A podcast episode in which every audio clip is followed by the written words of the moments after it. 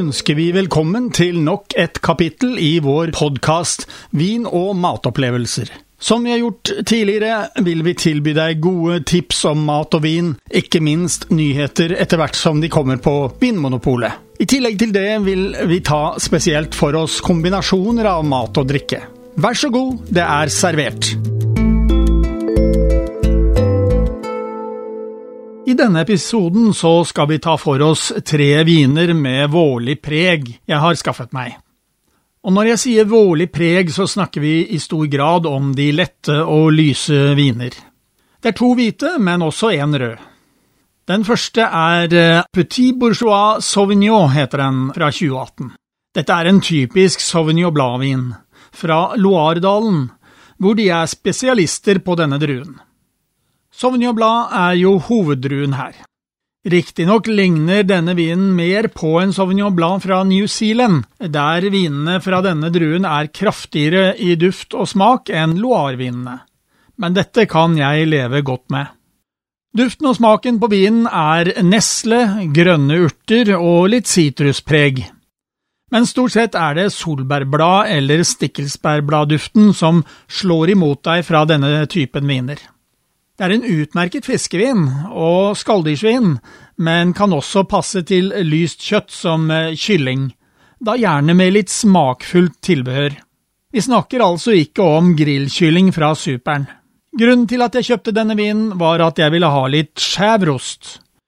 Vin av denne typen går helt utmerket til hvite og litt krevende geiteoster. Prøv det, så tenker jeg du får en overraskelse. Eller så kunne jeg godt tatt denne vinen ute på verandaen, bare sola titter fram igjen.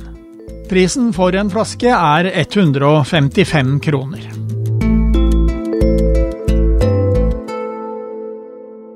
Så har jeg en kartongvin. Benatti Suave fra Veneto i Italia. For dere som lurer på hvor Suave-området ligger, kan vi enkelt si at det ligger mellom Verona og Venezia. Altså øst for Verona. Jeg har sagt det før, og det kan gjentas, selv om flere feinschmeckere mener at suaveviner er kjedelige, så er ikke jeg der. Ja, får de for høy temperatur, kan de oppleves som både kjedelige og sødmefylte. Denne er slik. Du må få fram vinens friskhet ved å servere den avkjølt. Jeg vil si at den ikke må ha mer enn 10–12 grader. Da får du fram duft og smak av eple eple, hint av urter og litt friskhet.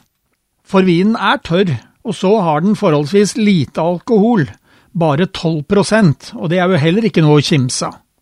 Jeg vil si at dette er en typeriktig vin fra Garganega-druen som suaver lages av.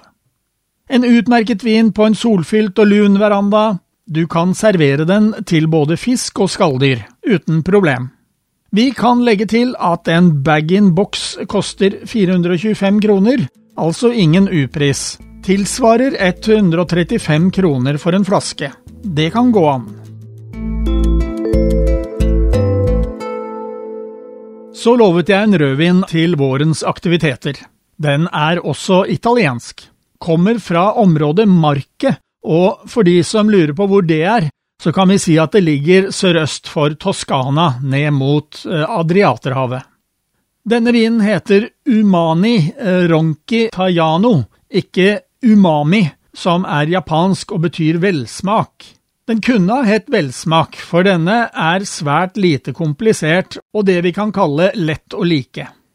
Det er en blandingsvin av to druer, Montepulciano, som er hoveddruen, og Toscanas Sangiovese. Jeg gjetter på at disse druene har vokst i et lunt og varmt klima når jeg smaker på vinen. Da får de nemlig saftige og ukompliserte, runde og varme dufter og smaker.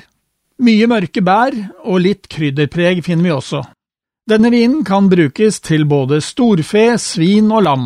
Jeg vil si at den kan passe godt til årets første grilling på verandaen, ikke minst fordi den er så rund og ukomplisert i smaken. Derfor bør den kunne passe bra til det.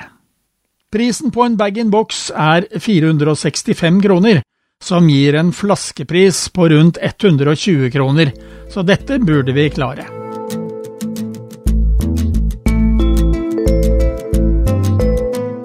Da har du fått dagens podkast fra Radio Riks Oslo om mat og vin. Hvis du ønsker å abonnere på den, slik at du får den automatisk når nye blir lagt ut, kan du gjøre det. Lykke til!